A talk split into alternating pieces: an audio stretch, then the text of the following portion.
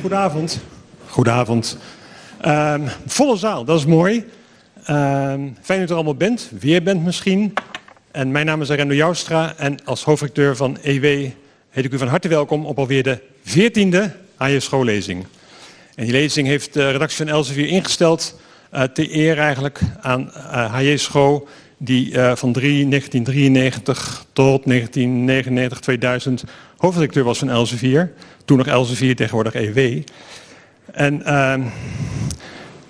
H.J. Schoo was toen hoofdredacteur, is daarna overgestapt naar de Volkskrant. Heeft hij een jaar in de hoofdredactie gezeten in 2000. En ging daarna, werd hij uitgegeven bij de Weekbladpers. En ging die bladen uitgeven als Vrij Nederland en Opzij. Maar bleef columns schrijven voor de Volkskrant en ook essays. En af en toe, heel af en toe, schreef hij ook nog een stuk voor Elsevier. En wij proberen eigenlijk met deze HJ schoollezing uh, niet officieel het parlementaire jaar te openen. De officiële opening is natuurlijk uh, volgende week. Uh, maar wij proberen dat, die schoollezing een beetje te plannen zo rond de eerste dinsdag van september. Op verzoek van de spreker van vanavond is het een weekje verschoven. Dus nu wel volgende week hebben we, de, hebben de Prinsdag. Um, uitverkochte zaal. En dat heeft alles te maken met de spreekbaar vanavond. Uh, zoals een spraakmakend raadslid in Amsterdam. Werd in 2017 gekozen in de Tweede Kamer. En herkozen in maart 2021 opnieuw als Kamerlid. En kreeg nu op twee na de meeste stemmen, voorkeurstemmen van alle uh, leden van de VVD-fractie. En in het derde kabinet Rutte, het demissionair kabinet, was zij staatssecretaris voor Economische Zaken en Klimaat. En nu is ze minister van Justitie en Veiligheid. En graag uw aandacht en applaus voor minister Dylan Jezilgoes Segerius.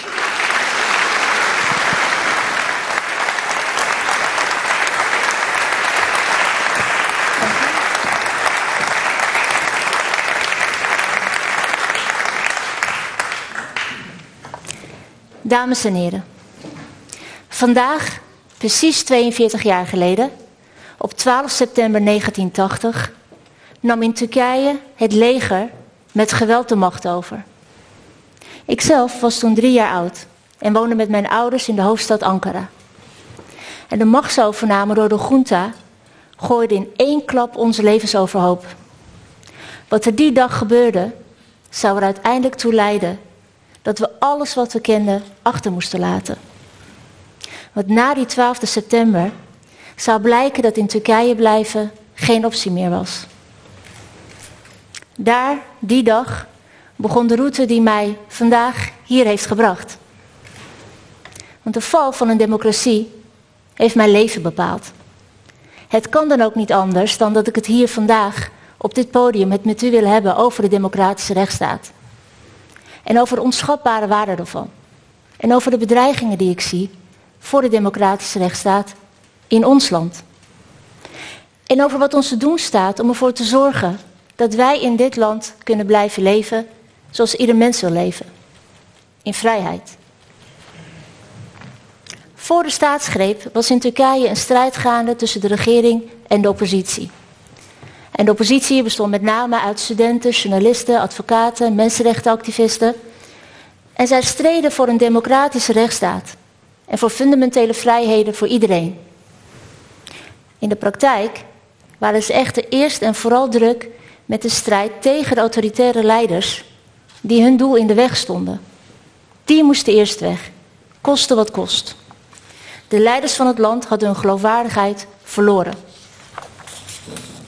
Het democratisch systeem, dat al wankel was, kwam daarmee ook steeds meer onder druk te staan. En door al het geweld over en weer brokkelde de Turkse democratie stukje bij beetje af. Totdat de militaire junta ook de laatste brokstukken van de Turkse democratie met harde hand van tafel veegde. Op die 12 september werd de militaire junta wetgevende en uitvoerende macht in één. En feitelijk ook de rechterlijke macht. Want de rechtspraak liep voortaan via militaire rechtbanken. Scheiding der machten, omvallende rechtsstaat, dat kan wellicht allemaal een beetje abstract en wetenschappelijk klinken. Maar voor de tegenstanders van het regime werd het schrikbarend concreet. De junta liet politici arresteren, ontbond het parlement en verbood activiteiten van verenigingen en vakbonden. In de maanden na de staatsgreep werden aan de hand van willekeurige bevelen honderdduizenden mensen opgepakt, opgesloten en gemarteld. Over deze gebeurtenissen is later geschreven dat in wezen een hele generatie gewist is. Een inktzwarte periode waarin angst, wantrouwen en totale willekeur regeerden. Buren vertrouwden elkaar niet langer. Vrienden verdwenen in de gevangenis en keerden nooit weer terug. Mensen verloren hun banen en er was geen bestaanszekerheid meer. Mijn ouders, zij kozen ervoor om niet stil te zijn. Ze hoefden niet, ze hadden het goed. Maar ze kozen, ze kozen ervoor om zich te verenigen en om hun stem te laten horen. Ze kozen ervoor om zich in te zetten voor fundamentele vrijheden. Ook al was dat gevaarlijk. Pas jaren later heb ik beseft hoe ongelooflijk zwaar die periode voor mijn ouders is geweest. Ze vochten tegen de leiders die de democratische waarden verkwanselden. Maar in die strijd, in die strijd, hebben ze niet kunnen voorkomen dat het democratisch systeem zelf ook ten onder ging. En door die strijd betaalden zij ook in hun persoonlijke levens een heel hoge prijs. Op een gegeven moment liepen ze acuut gevaar. Ze konden ieder moment opgepakt worden. Het gevaar werd zo groot dat vluchten de enige optie was. Dus vrienden, familie, werk, alles wat je opbouwt als jong gezin, werd achtergelaten. Nederland gaf ons wat Turkije met geweld had afgepakt. Of beter gezegd, wat we in Turkije misschien wel nooit hadden gekend. Veiligheid en vrijheid. De vrijheid jezelf te zijn, je uit te spreken, je leven te leiden zoals je dat zelf wilt. Democratische, liberale waarden, zoals de vrijheid van meningsuiting. En de wetenschap dat iedereen dezelfde rechten heeft. Los van hoeveel geld je hebt, wie je kent of waar je wieg heeft gestaan. Van jongs af aan leerden mijn ouders mij de waarde te zien van de vrijheid waarin wij in Nederland leven. En om die te koesteren, om ervoor op te komen. En niet stil te zijn bij onrecht. Dames en heren, ik ben zeer dankbaar en zeer vereerd dat ik deze 14e HR schoollezing mag geven. Ik heb Hendrik Jan Schouw nooit ontmoet, maar ik was een bewonderaar op afstand. Van zijn intellectuele moed. En het feit dat hij het beest altijd recht in de bek keek. Van zijn rationele, koele analyses. Want onder die koele feitelijkheid voelde ik als lezer altijd zijn passie. Passie voor de waarheid. Passie voor de mensen. Passie voor de democratie. School was voor mij de verpersoonlijking van de vrijheid van meningsuiting. Niks aantrekken van wat men wil horen. Tell it like it is. Of zoals hij zo vaak zei, I gotta call them as I see them. Ik zeg het maar ronduit. De wereld van vandaag kan wel wat meer HR school gebruiken. Juist nu hebben we mensen met moed en passie nodig. De moed om de bedreigingen van onze democratische rechtsstaat onder ogen te zien.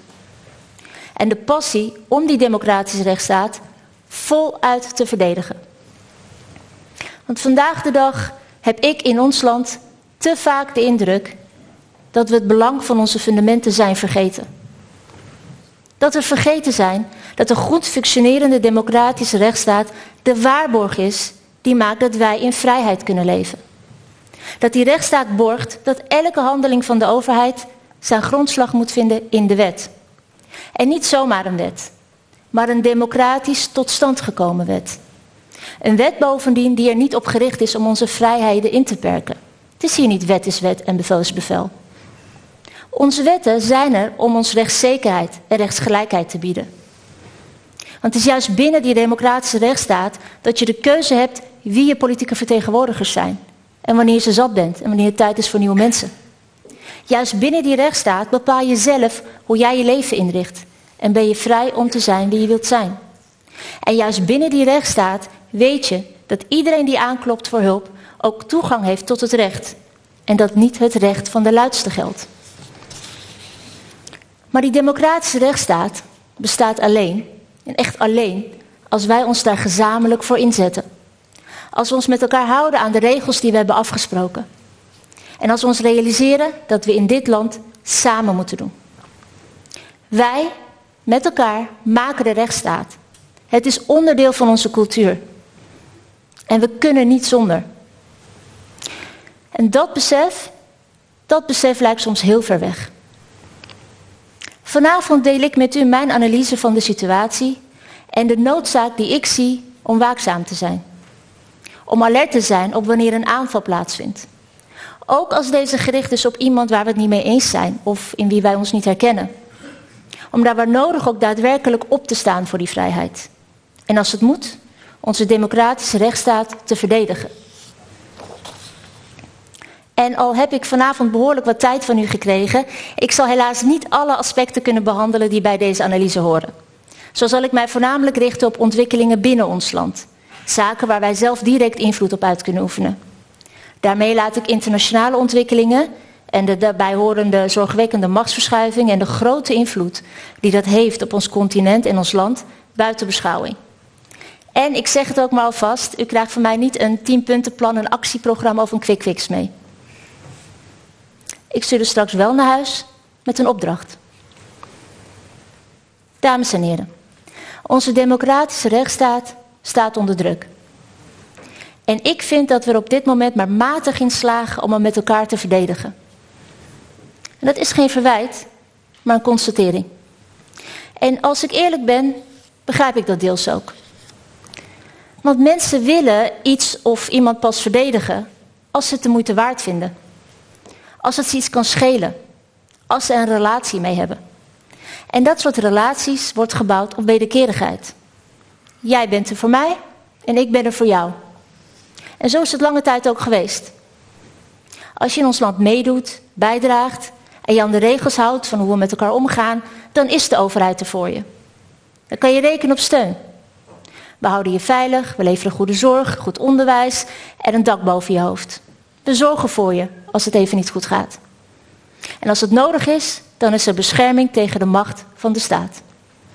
En gaat het allemaal prima, dan laten we je met rust zodat jij je leven kunt leven. Die wederkerigheid is natuurlijk niet alleen van grote waarde tussen de overheid en de mensen thuis. Het is vooral een bindmiddel in onze samenleving. Binnen gemeenschappen, wijken, buurten. Al die geschreven en ongeschreven afspraken die erbij horen. Het vertrouwen. Dat maakte ons land een fijn land om in te leven. Waar je trots op kon zijn. Wat je wilde verdedigen. En dat gevoel dat als je terugkomt van vakantie, toch weer blij en trots bent als je de grens overrijdt. Want eigenlijk is het hier allemaal maar toch goed geregeld. Dat land, daar mag niemand aankomen. Dat is van ons allemaal. Daar delen wij iets wezenlijks. Daar erger je misschien wel aan sommige regels, maar snap je tegelijkertijd ook wel waarom ze nodig zijn. Maar daar zie je dat al die afspraken bij elkaar ons een mooi en vrij land hebben opgeleverd. Waar we van mening kunnen verschillen over de beste oplossing, maar op zijn minst aan hetzelfde probleem werken. Dat gevoel, dat lijkt verdwenen.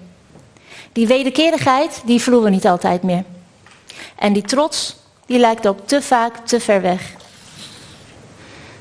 Hoe komt dat? De eerlijkheid gebied te zeggen dat de overheid daar een groot aandeel in heeft gehad. We hebben fouten gemaakt. Fouten die niet alleen grote gevolgen hadden voor individuen, maar ook gevolgen voor de relatie tussen de overheid en juist die mensen voor wie de overheid er had moeten zijn.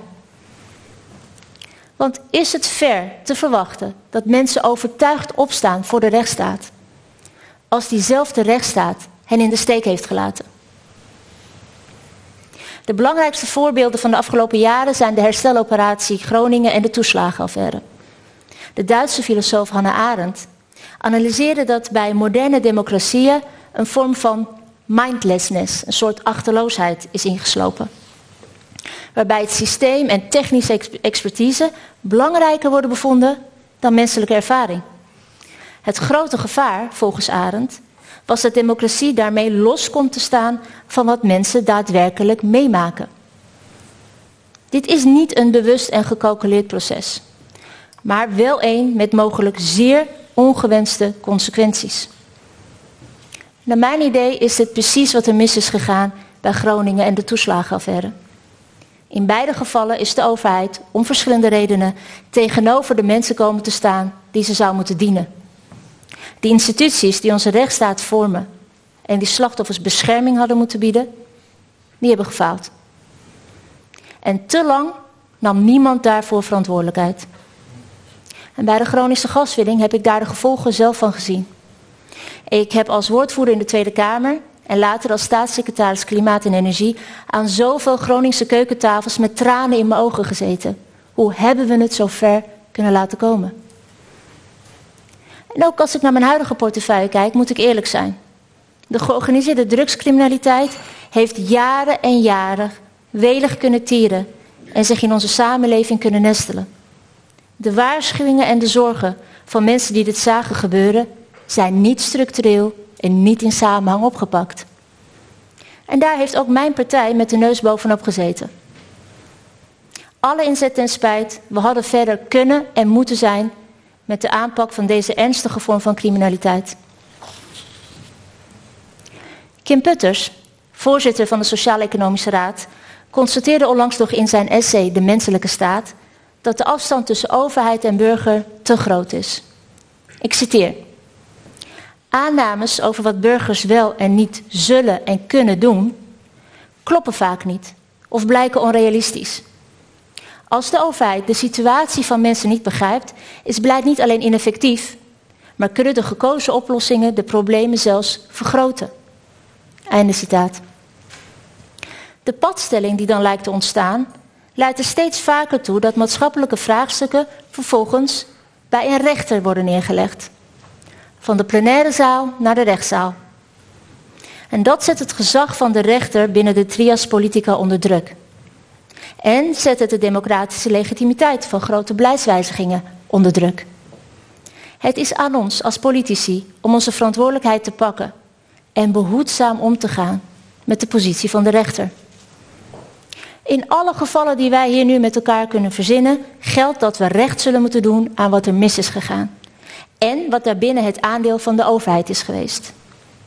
Eerlijk zijn over waar het misgaat. Maar daar wringt de schoen. Hoogleraar rechtsfilosoof Bastiaan Rijpkema stelt in zijn studie Weerbare Democratie dat een democratie onderhoud vergt. En dat daarvoor een bepaalde houding, een democratisch ethos nodig is bij degenen die deelnemen aan het politiek debat en het politiek handelen. Hij stelt dat daarvoor een veranderde mening het toonbeeld van voorschrijdend inzicht zou moeten zijn. Maar daar, daar wringt die schoen. Want de beeldvorming en het politieke debat vernauwt zich vaak tot aanblijven of aftreden. De samenleving en media eisen foutloze politici, dus fijnste politici die foutloosheid door hun fouten niet toe te geven. Zo houden burgers, media en politici elkaar gegijzeld. Aldus de hoogleraar. Die kramp, die zullen we moeten adresseren. En we zullen keihard moeten werken aan oplossingen. En doen wat nodig is om te voorkomen dat we fouten herhalen. Alleen zo kunnen we het vertrouwen van mensen in de overheid terugwinnen. En ik geloof dat dit kan. Het kan als we onze geschreven en ongeschreven afspraken weer nakomen. Als we iedere dag in de gaten houden dat wat we doen ook begrijpelijk is voor de mensen voor wie we het doen.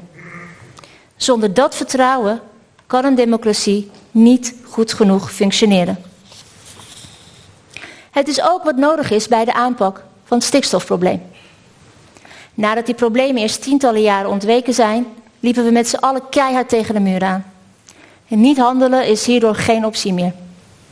En helaas kan door jarenlang nalaten niet meer worden volstaan met bijsturen. Maar moeten er grote stappen worden gezet. Met grote en soms pijnlijke consequenties voor alle betrokkenen. En juist daarom is het zo belangrijk om die stappen te durven zetten. En dat in samenspraak te doen met de boeren om wie het gaat. We zijn afhankelijk van elkaar en moeten dit samen doen. Want als die relatie eenmaal onder druk staat, en dat zien we op alle terreinen die ik noemde, als er eenmaal twijfel is over de intentie van de ander. Als het vertrouwen niet meer leidend is. dan ontstaan de scheuren. Dan ontstaat een gevaar dat groter is dan het wankelen van de relatie alleen. Dan worden we niet alleen vatbaar voor boosheid, maar erger nog, dan ligt onverschilligheid op de loer. Dan verdwijnt de bereidheid om voor onze relatie te vechten. Om op te staan voor alles wat ons bindt. En dat is een risico dat veel groter is dan een verstoorde relatie tussen overheid en mensen. Want dan vormen wij geen blok meer tegen wat ons potentieel bedreigt. En dat, dames en heren, dat kunnen wij ons niet permitteren.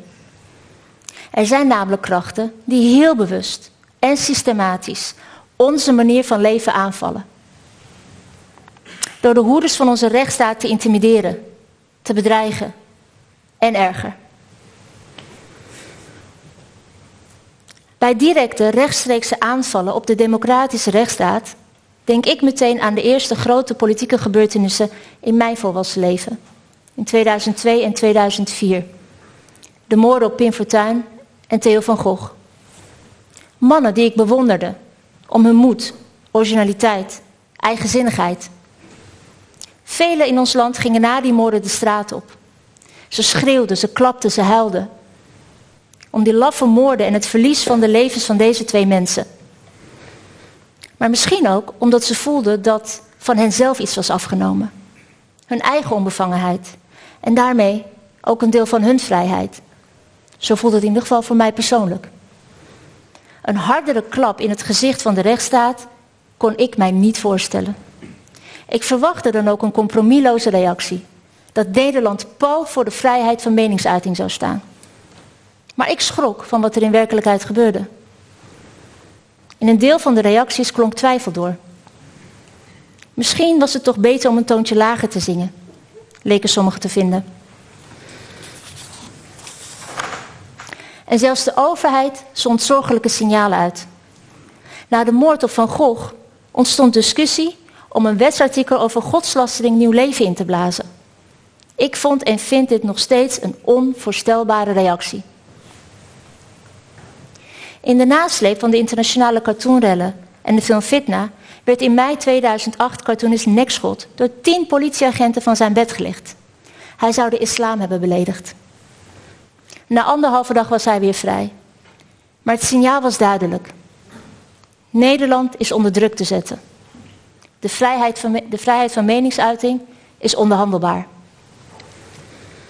De reacties op de moord op Van Gogh en de arrestatie van Nekschot laten zien dat ons land een moeizame relatie heeft met religiekritiek. Vrijheid van godsdienst is een groot goed voor ons. En misschien is dat een deel van de verklaring.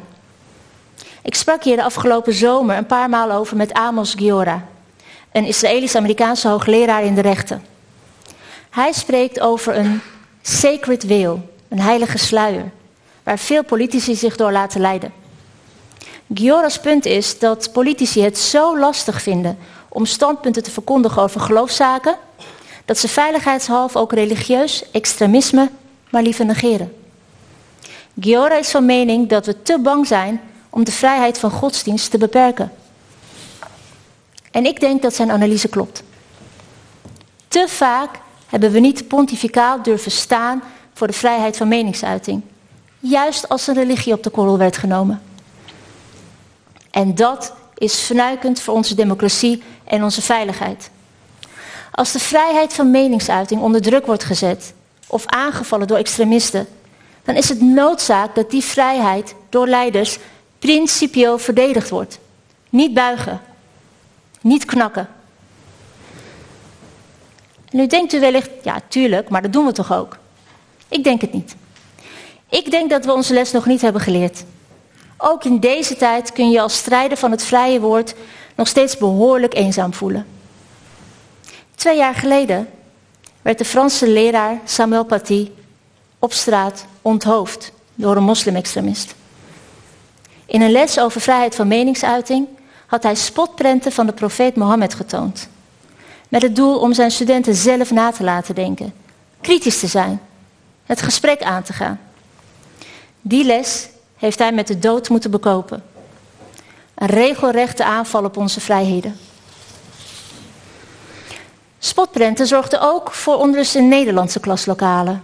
In Rotterdam moest zelfs een leraar onderduiken voor zijn leerlingen. Als reactie hierop startte een imam een petitie die een verbod op godslastering bepleitte. De tekst was: Wij moslims veroordelen met klem alle vormen van geweld naar aanleiding van spotprenten. Maar, maar, vinden ook dat het beledigen van onze profeet Mohammed niet te maken heeft met de vrijheid van meningsuiting. De petitie werd in een paar dagen tijd meer dan 100.000 keer getekend. De initiatiefnemers werden vanuit de Tweede Kamer gesteund door Farid Azarkan van Denk. Uiteraard is dat hun democratisch recht. Maar voor mij is het nauwelijks te bevatten dat de ondersteuners van de petitie na de moord op de discussie wilden openen over de grenzen van de vrijheid van meningsuiting. Naar mijn gevoel deed men alsof Paty de laffe zelf had uitgelokt. Nee, de discussie die had moeten gaan over het in hemelsnaam kan dat wij kinderen in ons land grootbrengen die niet tegen een tekening kunnen. Die niet weten hoe je daar met elkaar normaal het gesprek over aangaat. Die niet hebben geleerd dat je andere zienswijzen en andere meningen respecteert. En in plaats daarvan gaan zij of hun ouders over tot intimidatie en bedreiging om hun gelijk af te dwingen. Het probleem is het totale gebrek aan weerbaarheid en aan tolerantie voor meningen en levenswijzen. En dat los je niet op door die andere meningen dan maar te verbieden. Dat los je juist op door die weerbaarheid te vergroten en je blik te verbreden. Precies waar Paty voor stond. En zijn collega's nog dagelijks aan werken. Zelfs bij de hoeders van het vrije woord gaat het niet altijd goed. Daar waar die vrijheid van meningsuiting het grootste goed zou moeten zijn, in de wereld van de media zelf, hoor ik zorgelijke geluiden. Cartoonist Ruben Oppenheimer, die bedreigd wordt na het maken van spotprenten over de Turkse president Erdogan, vertelde mij dat hij van collega's hoort dat je er ook wel een beetje om vraagt als je zulke tekeningen maakt. Hij werd beschimpt en uitgelachen toen hij periodes beveiligd moest worden.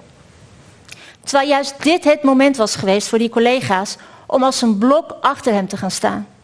Om iedere tekening of column te gebruiken om hem te steunen, in plaats van alles te relativeren. Om op te komen ook voor hun vrijheid om hun werk te kunnen doen.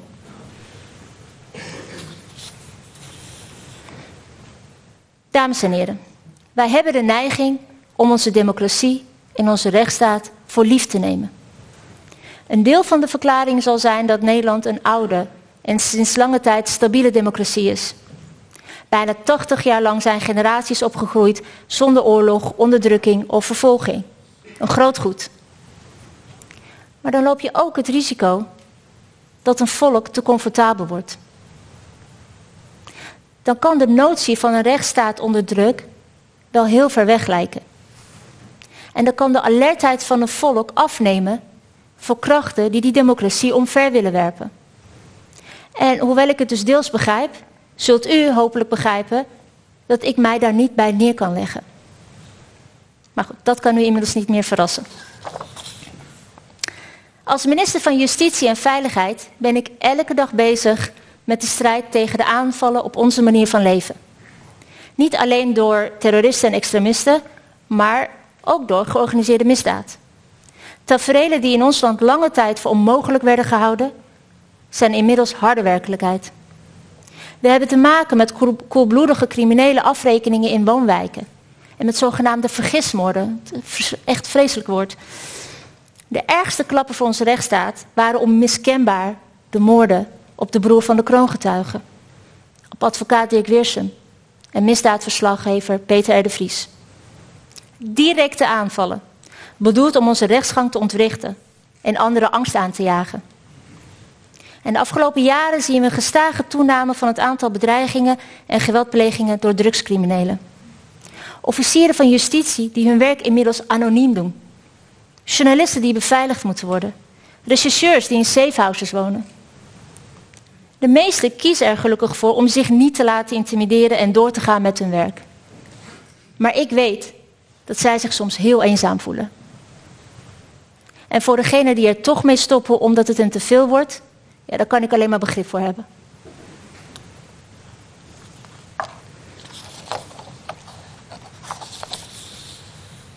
Want dit is de werkelijkheid waarin wij leven. En de volgende generatie medogeloze criminelen wordt klaargestroomd door jongens van 11 jaar te ronselen. Van 11 jaar. Eerst om te dealen en de volgende carrière stap kan zich laten raden. En nog steeds, nog steeds lijken we met elkaar niet ten volle te beseffen hoe de georganiseerde misdaad zich in onze samenleving heeft genesteld. En toont aan alles waar ons land voor staat. En het gevaar van de georganiseerde misdaad is niet alleen in ons land merkbaar. Het is een internationaal probleem, waar sommige landen al veel langer tegen strijden. Zo was ik eerder dit jaar in Italië om met maffiabestrijders te spreken, om te kijken wat we van hen kunnen leren. Want zij hebben de afgelopen decennia noodgedwongen veel ervaring opgedaan met de aanpak van de georganiseerde misdaad. Dit jaar is het 30 jaar geleden dat een maffiabom onder een snelweg bij Palermo een einde maakte aan het leven van onderzoeksrechter Giovanni Falcone. Zijn echtgenote en drie lijfwachten. Twee maanden later vermoordde de maffia op dezelfde manier zijn collega Paolo Borsellino en vijf politieagenten. Zij bewaakten hem terwijl hij zijn moeder opzocht. Toen ik in Italië was, werden deze moorden keer op keer in gesprekken opgebracht. Alsof het niet 30 jaar, maar slechts 30 dagen geleden was. De moorden vormen een sterk onderdeel van de Italiaanse geschiedenis en het collectief geheugen. De dodelijke aanslagen op deze maffiabestrijders van het eerste uur markeerden het moment dat men een streep trok. Dat men niet langer accepteerde dat het dagelijks leven werd gedomineerd door criminelen die weigerden de rechtsstaat te respecteren. Italianen gingen massaal de straat op en maakten duidelijk dat ze klaar waren met de enorme ellende die mafiosi hen brachten. Het is waar, de maffia bestaat nog steeds in Italië. Maar zij die er tegen strijden, vormen een front met een groot deel van het volk. Waardoor zij alles op alles kunnen zetten om dit kwaad te verslaan. Weet u nog dat wij de terreur van de Italiaanse maffia destijds Italiaanse toestanden noemden? Vandaag de dag kijken Italianen met bezorgdheid naar Nederlandse toestanden. En natuurlijk, na de moorden op Wiersum en de Vries werden de talkshows een week of twee gevuld met verontwaardigde duiders en deskundigen. Maar daarna, daarna gingen de meesten van ons toch weer terug naar business as usual. Totaal onbegrijpelijk. Want juist de hoeders van onze democratie verdienen alle steun en erkenning voor de taken die zij uitoefenen en de waarden die zij verdedigen. Want wanneer wij terugdeinzen, doen zij een stap naar voren. Wanneer wij zwijgen uit angst, dan zijn zij degene die doorgaan met onderzoeken, met schrijven en met rechtspreken. En wanneer wij slapen, waken zij over onze vrijheid. De overheid investeert op dit moment meer geld in de aanpak van georganiseerde misdaad dan ooit tevoren. Met een breed offensief zetten we alles op alles om te voorkomen dat kleine jongens grote boeven worden. Om de grote criminelen te pakken. En om ons land zo onaantrekkelijk mogelijk te maken voor drugskartels. En daarbij zou niemand die voor onze rechtsstaat strijdt, moeten vrezen voor zijn of haar eigen veiligheid. Zij tonen zich weerbaar, maar ze zijn in feite kwetsbaar. Het is dan aan de overheid om zo goed mogelijk bescherming te bieden. Mensen die ernstig bedreigd worden, krijgen bewaking en beveiliging. Door mensen die dag en nacht klaarstaan en bereid zijn het gevaar in de ogen te kijken.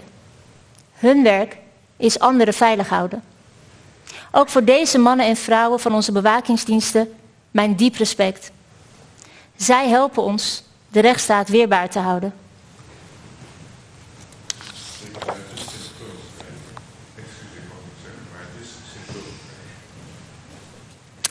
Ik ga even door, ik ben halverwege. Misschien verras ik u nog. Onze opsporingsdiensten en onze recherche behoren tot de beste van de wereld. Zij zullen niet rusten totdat criminele netwerken opgerold zijn. En de eerste grote slagen zijn toegebracht.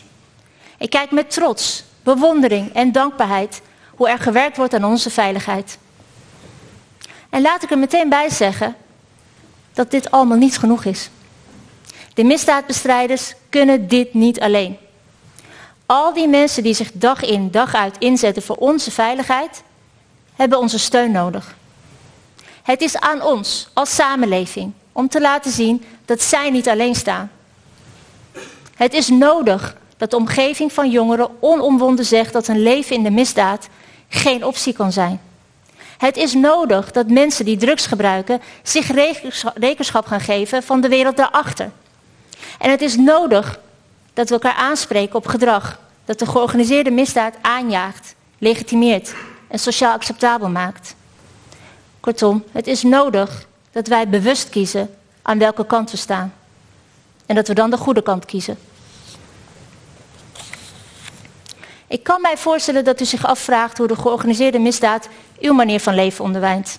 Het lijkt toch allemaal een beetje ver van mijn bedshow. Nou, in Italië kunnen heel veel mensen nog uit eigen ervaring vertellen wat het betekent als criminelen de baas zijn op straat. Wat het betekent als je niemand, van politici tot politiemensen en rechters, kunt vertrouwen. Omdat velen van hen corrupt zijn en je nooit weet wie in de zak van de maffia zit. En als hardwerkende mensen kapot geconcurreerd worden door luie, witwassende concurrenten. En vergis je niet, dat kan ook hier gebeuren. Nu al zoeken jaarlijks vele miljarden crimineel geld een weg vanuit de onderwereld naar onze bovengrondse economie. Het gaat stapsgewijs en daarom merken we het vaak niet. Maar het foute geld vreet al aan het weefsel van onze samenleving. En dat alles gaat hand in hand met geweld. Van intimidatie tot en met bloedige schietpartijen, waarbij iedereen in de baan van een schot kan belanden. Hier tegenop staan, je uitspreken, is niet makkelijk, dat besef ik. Als je niet langer wegkijkt, dan zie je soms dingen of moet je dingen doen die impopulair of zelfs eng zijn. Maar laat ik daar een citaat van Paolo Borsellino tegenover stellen. Angst is normaal, voor ieder mens. Het gaat erom dat die angst gepaard gaat met moed. Laat die woorden even op u inwerken. Hoe meer de dreiging met ons dagelijks leven verweven raakt, hoe meer we als hele samenleving zullen moeten laten zien dat we dat niet willen. Dat ons leven in vrijheid ons te veel waard is. En daarin zullen we naast elkaar moeten staan. Echter, te vaak staan we niet naast elkaar. Te vaak staan we tegenover elkaar. Of beter gezegd, laten we ons tegen elkaar opstaan. En dat is wat mij misschien nog wel meer zorgen baart.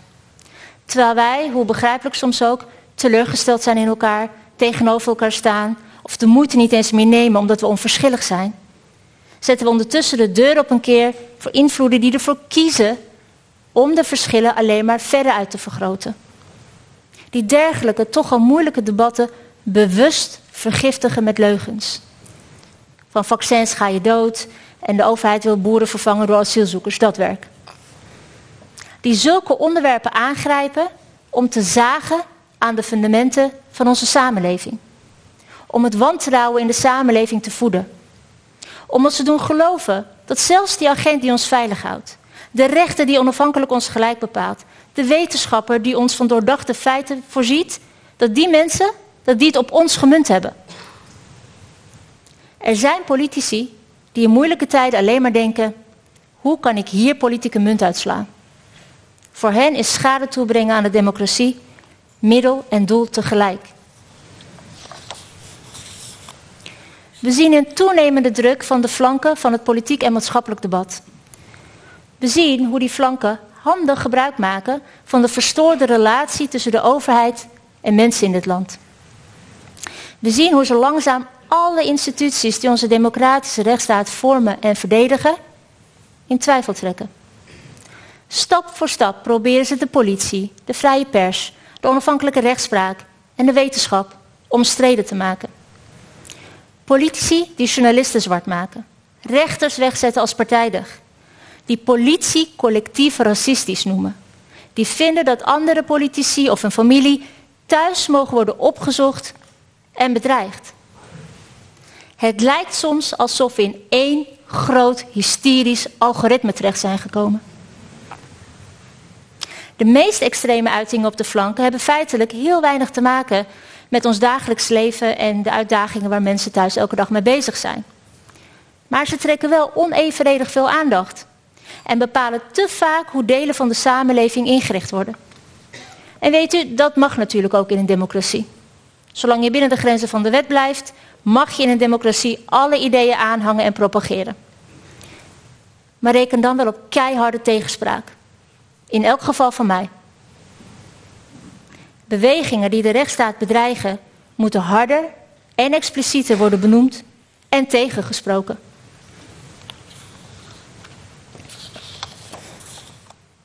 Ik noem vandaag twee van die bewegingen.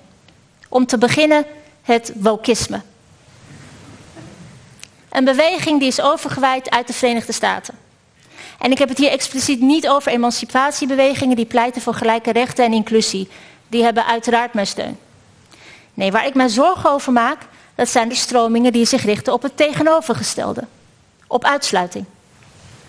Mensen die vinden dat zij mogen bepalen welke informatie of mening juist is en welke niet juist is. Of wat kwetsend en niet kwetsend is. Wie wel deugt en wie niet deugt. Die onder het mom van inclusie alleen maar bezig zijn met uitsluiten. Met het cancelen van alles wat hen niet aanstaat. Onderwerpen, standpunten en meningen worden onbespreekbaar verklaard. En waarom? Omdat deze zouden kwetsen. Wokisten bepalen wie recht van spreken heeft. Alleen als je tot de juiste groep hoort, mag je meepraten. Daarmee worden individuen gereduceerd tot geslacht, afkomst of gerichtheid, met een vaste bijbehorende mening. Daarvan afwijken betekent uitgesloten worden. Nou denkt u wellicht, oké, maar is woke echt zo'n problematische beweging? Ja, wat mij betreft wel. Ons vermogen om te groeien, om te leren, om te ontwikkelingen, om te ontwikkelen, wordt gevoed door wederzijdse kritiek en open discussies. Wie dat wil beperken door safe spaces te eisen op universiteiten, door elke vorm van zogenaamd confronterende kennis uit te sluiten, door de vrijheid van meningsuiting ondergeschikt te maken aan subjectieve emoties, of door te bepalen welke woorden de vrije media wel of niet mogen gebruiken. Die, die beperkt ware vooruitgang. Door een zelfgeclaimd recht om niet gekwetst te worden. Dit legt een enorme druk op de vrijheid van meningsuiting, vrijheid van pers en academische vrijheid. Onze vrije samenleving heeft open debat nodig. Dat is onze zuurstof. Open debat, waarin je woorden met woorden bestrijdt. Open debat, waarbij argumenten bepalen of je gelijk krijgt. En niet de lengte van je tenen. Man of vrouw, vind een paar ballen en wees weerbaar, zou ik zeggen. In een open samenleving moet je een schild ontwikkelen. Er zijn nou eenmaal meningen of feiten die jij liever niet ziet of hoort. Het is een gevaarlijk misverstand dat er zoiets zou bestaan als het recht om niet gekwetst te worden. Het is gevaarlijk omdat mensen dan de neiging hebben zich ernaar te gaan gedragen. En dat leidt tot zelfcensuur. Om geroe te voorkomen. Om geen vuur te trekken. Om je baan te houden. Om niet gecanceld te worden. Zoals de rechtsgeleerde Afshin Elian schreef over academische veiligheid en vrijheid. In verdraagzaamheid verwonden woorden niet. En dat is precies het tegenovergestelde van wat wokisme doet. Wokisme bevordert onverdraagzaamheid, terwijl verdraagzaamheid nu juist de kern van de democratische rechtsstaat is. Eigenlijk kan ik het niet beter uitleggen en samenvatten dan met dit citaat van het Europees Hof voor de Rechten van de Mens. Ik citeer. De vrijheid van meningsuiting vormt een van de wezenlijke grondslagen van een democratische samenleving. Een van de basisvoorwaarden voor haar vooruitgang en voor de ontwikkeling van ieder mens. Zij is niet alleen van toepassing op informatie of ideeën die gunstig worden ontvangen of als niet aanstootgevend worden beschouwd, dat we met onverschilligheid worden bezien, maar ook op uitingen die de staat of enig deel van de bevolking beledigen, chockeren of verontrusten. Dat zijn de eisen van pluralisme, tolerantie en ruimheid van geest, zonder welke er geen democratische samenleving kan bestaan. Einde citaat. De tweede beweging die ik hier wil bespreken is het systematisch voeden van wantrouwen en anti-overheidssentiment. Nu staat het natuurlijk iedereen vrij om tegen de overheid en tegen onze instituties te zijn. En feiten te vervangen door meningen. Zolang dat binnen de grenzen van de wet uh, valt, mag dat.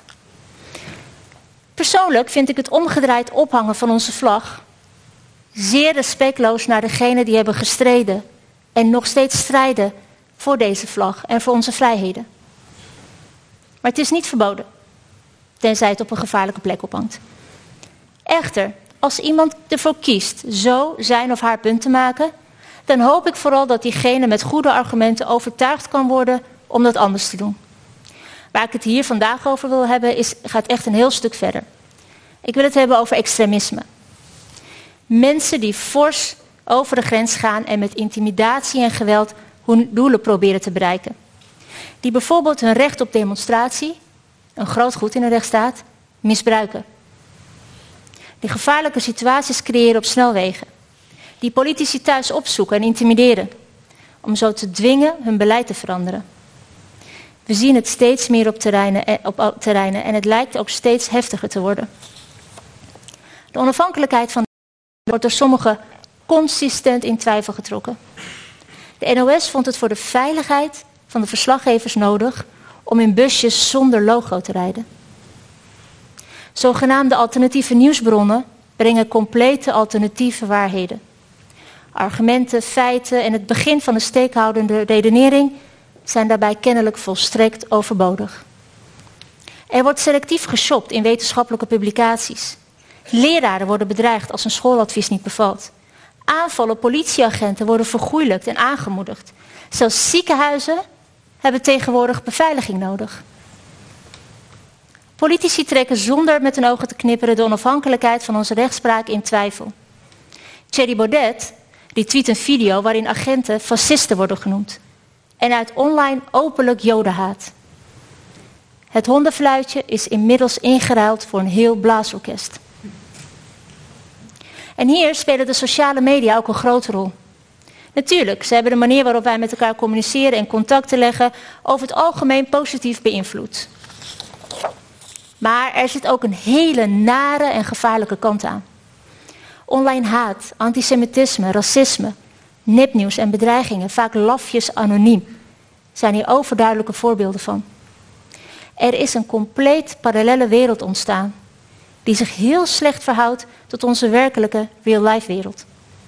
Die wel gekaderd is door wetten en sociale omgangsregels. En de bazen van de sociale mediabedrijven als Facebook voelen daar geen enkele verantwoordelijkheid voor. Sterker nog, het is een zeer lucratief verdienmodel geworden.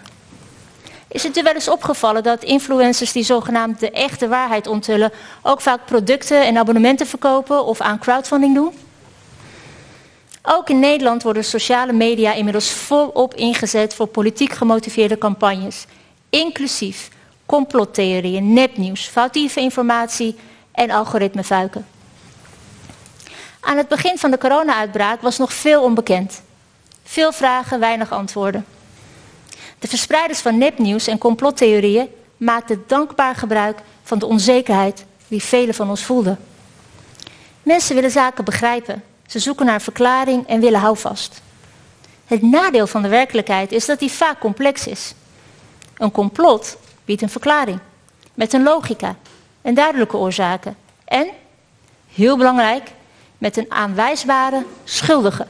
Net als in de film. En dankzij sociale media worden complottheorieën niet alleen heel snel verspreid, je komt ook in een algoritmefuik terecht. Waardoor je alleen maar berichten gaat zien die die verzinsels bevestigen. Het resultaat? Een diep geworteld wantrouwen tegen wetenschap, media en de overheid. Nepnieuws, wantrouwen en achterdocht, achterdocht vervuilen en radicaliseren het maatschappelijk debat.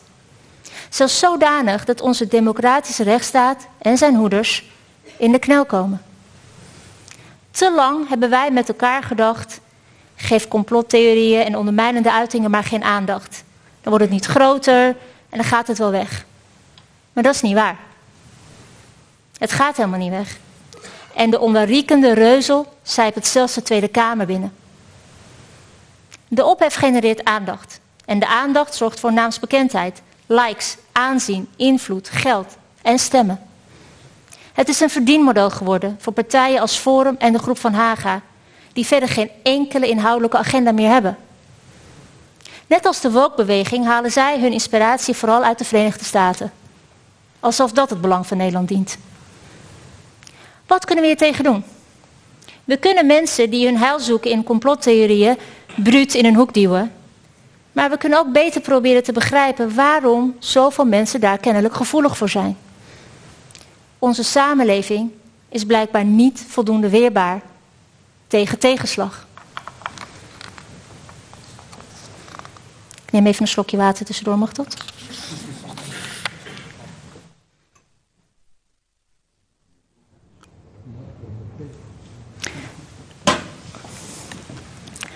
Een manier om hier nu weerstand aan te bieden, is om toch vaker weerwoord te bieden. Zelfs al krijgt een tweet waarin onzin staat duizenden likes. En de reactie daarop met een onderbouwd weerwoord slechts tientallen. En zelfs al volgen er scheldpartijen. Daarbij zullen grote sociale mediabedrijven op transparante wijze hun verantwoordelijkheid moeten nemen. En doen ze dat niet, dan zullen wij hen verantwoordelijk moeten houden. Beschermen van de vrijheid van meningsuiting is echt iets anders dan toestaan dat een parallele wereld ontstaat waarin intimidatie, ophitserij en bedreigingen zonder consequenties blijven. Het wantrouwen dat haast zorgvuldig en systematisch als een gif in onze samenleving wordt geïnjecteerd, maakt dat we bijna ongemerkt, stap voor stap, inderdaad minder trots zijn op onze vrije democratie. Inderdaad minder bereid zijn om ervoor op te staan. En zonder het echt in de gaten te hebben, wordt aan de fundamenten van onze democratische rechtsstaat geknaagd. En wij? Wij laten het gebeuren. En ja, ook hier komt de waarschuwing uit de Verenigde Staten. De bestorming van het kapitool laat zien hoe desastreus de gevolgen kunnen zijn. De afgelopen maanden heeft de onderzoekscommissie van het Amerikaanse congres duidelijk gemaakt hoe dicht de Verenigde Staten, the land of the free, langs een autoritaire machtsgreep zijn gescheerd.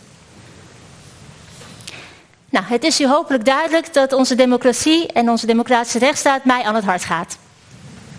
Omdat die ons zoveel brengt. Vrijheid, vrede, welvaart. En mijn antwoord op de druk die onze democratische rechtsstaat ervaart, is gezamenlijke actie. Van mij, mijn collega's en van ons allen als inwoners van dit land. Een gezamenlijke verdediging. Gebouwd op het besef dat onze manier van leven op het spel staat. Overheid en inwoners moeten in relatietherapie. En uiteraard kijk ik hier als eerste naar mijzelf. Naar mijn collega-bestuurders en de andere politici. In Den Haag en in de rest van het land. Wij moeten het goede voorbeeld geven. Zorgen dat wat we doen transparant, navolgbaar, uitvoerbaar en helder is. Niet besluiten nemen en daarna aan de mensen gaan uitleggen waarom dat goed voor ze is. Maar eerst ophalen wat er leeft en hoe wij hen beter kunnen dienen. We moeten altijd oog hebben voor hoe beleid in de praktijk uitpakt. We moeten zorgen dat de rechtsbescherming op orde is.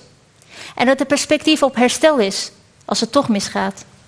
Voorkomen dat mensen vermorzeld worden door beleid of handelen dat totaal anders uitpakt dan het ooit de bedoeling was. En dit is echter niet alleen een taak voor volksvertegenwoordigers. Het is een taak voor de hele overheid. De menselijke maat moet worden meegewogen bij het opstellen en uitvoeren van wetten. Rechtsbescherming en uitvoerbaarheid moeten hierbij een grote rol spelen. En deze rol wordt nu te eenzijdig bij de rechter neergelegd. Herstel van onze onderlinge relatie is een belangrijke voorwaarde om weer trots te kunnen zijn op wat wij hier samen hebben. Om weer scherp te krijgen waar we hier in dit land samen voor staan. En om ons te kunnen weren tegen datgene wat het bedreigt. Uiteraard mag u ook van mij verwachten dat ik alles op alles zet om die dreigingen vanuit mijn opdracht het hoofd te blijven bieden. Om terroristen en drugscriminelen in ons land aan te pakken. Om te voorkomen dat jonge jongens grote criminelen worden. Om ervoor te zorgen dat journalisten en advocaten veilig hun werk kunnen doen. En onze politiemensen goed toegerust zijn voor de zware taak die zij hebben. U mag van mij verwachten dat ik sta voor onze manier van leven. Dat ik onze vrijheden bescherm. En dat ik altijd zal opstaan tegen mensen die onze manier van leven willen vernietigen. En ik hoop dat samen te doen met alle anderen die onze vrijheid vanuit hun eigen rol beschermen.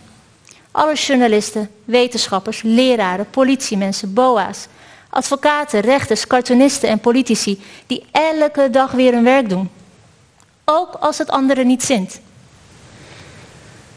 Beste aanwezigen. Sinds de moord op Theo van Gogh wordt Geert Wilders, de voorman van de PVV, zwaar beveiligd. Bij iedere stap die hij zet. Al 18 jaar lang. En wie dat geen schokkend en onacceptabel feit vindt, die heeft het principe van de democratische rechtsstaat niet begrepen. Hier passen geen mitsen en maren. Hetzelfde geldt voor persoonlijke aanvallen op journalisten, wetenschappers, politiemensen, wie dan ook. Sta voor die mensen. Ook als je het niet met ze eens bent. Misschien wel juist als je het niet met ze eens bent. Realiseer je dat dat is waar ons land op gebouwd is. De vrijheid om oneens te zijn. Hard op de inhoud hoort bij een vrij land. Ideeën botsen, we dagen elkaar uit en zo ontstaat vooruitgang. En dat is goed. Maar intimidatie, geweld, bedreiging, mensen monddood proberen te maken, mensen thuis opzoeken, families erbij betrekken, daar is nooit een excuus voor. Tuit dan niet relativerend de lippen, maar spreek je uit. Beste toehoorders, ik ga afronden. En laat ik u dit zeggen, ik ben niet somber. Democratieën hebben wereldwijd al verschillende crises en problemen meegemaakt. En tot nu toe vaak overleefd. Maar laat niemand denken dat de verworvenheden van onze democratische rechtsstaat vanzelfsprekend zijn.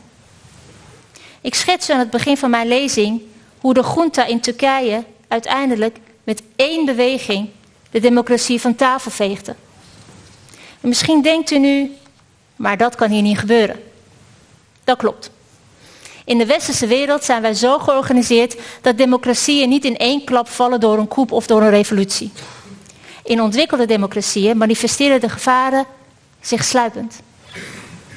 Als een ontwikkelde democratie wordt afgebroken, gebeurt dat niet met één grote klap, maar heel geleidelijk, met kleine stukjes. Telkens brokkelt er wat af. En het griezelige is dat we daardoor het bijna niet in de gaten hebben. Ik hoop vanavond een bijdrage te hebben geleverd om dat besef te laten indalen. Want wij moeten het tij keren. En ik geloof in een weerbare democratie, waarin we intolerant zijn tegen intolerantie. En dat kan maar op één manier. Vastberaden en compromisloos. Als er maar een paar helden zijn die het goede doen, dan zijn zij kwetsbaar. Dirk Weersen was zo'n held. Samuel Paty was zo'n held. En beide betaalden de hoogste prijs. Want onze vijand dacht, zij staan alleen. En dat willen we zo houden. Wij moeten om deze mensen heen durven te staan. Achter ze gaan staan als ze bedreigd worden. Als ze het moeilijk hebben. Want zij komen op voor ons. Voor de principes van de democratische rechtsstaat. Voor de hele samenleving. Dan moeten wij opkomen voor hen. Die wederkerigheid, die we niet meer lijken te voelen, die zou ik zo graag terug willen. We zullen het namelijk nog heel hard nodig hebben. Want juist dat besef en het vertrouwen in elkaar kunnen ons helpen om alle grote maatschappelijke uitdagingen van onze huidige en de komende tijd het hoofd te bieden. Dus vraag ik aan u allemaal: wees ook een held. Gewoon in het klein, in het alledaags leven. Bemoei je ermee. Vind niets vanzelfsprekend. Wees niet tolerant voor wat we niet moeten tolereren. Spreek je uit. En beste aanwezigen, Mocht u niet in mijn eerdere opsomming voorkomen, ook u bent ervoor nodig. Een weerbare democratie vraagt om weerbare democraten. Als genoeg mensen bereid zijn een held te zijn, als wij zorgen dat wij met velen zijn, dan kan niemand ons omverwerpen. Dan is er voor de tegenstander geen beginnen aan. En dan hebben we, ik durf het bijna niet te zeggen, groepsimmuniteit. Compromisloos en vastberaden al onze verworvenheden beschermen. Dat is de enige manier om Nederland een mooi en veilig land te laten zijn. Met vrijheid voor iedereen. Dank u wel.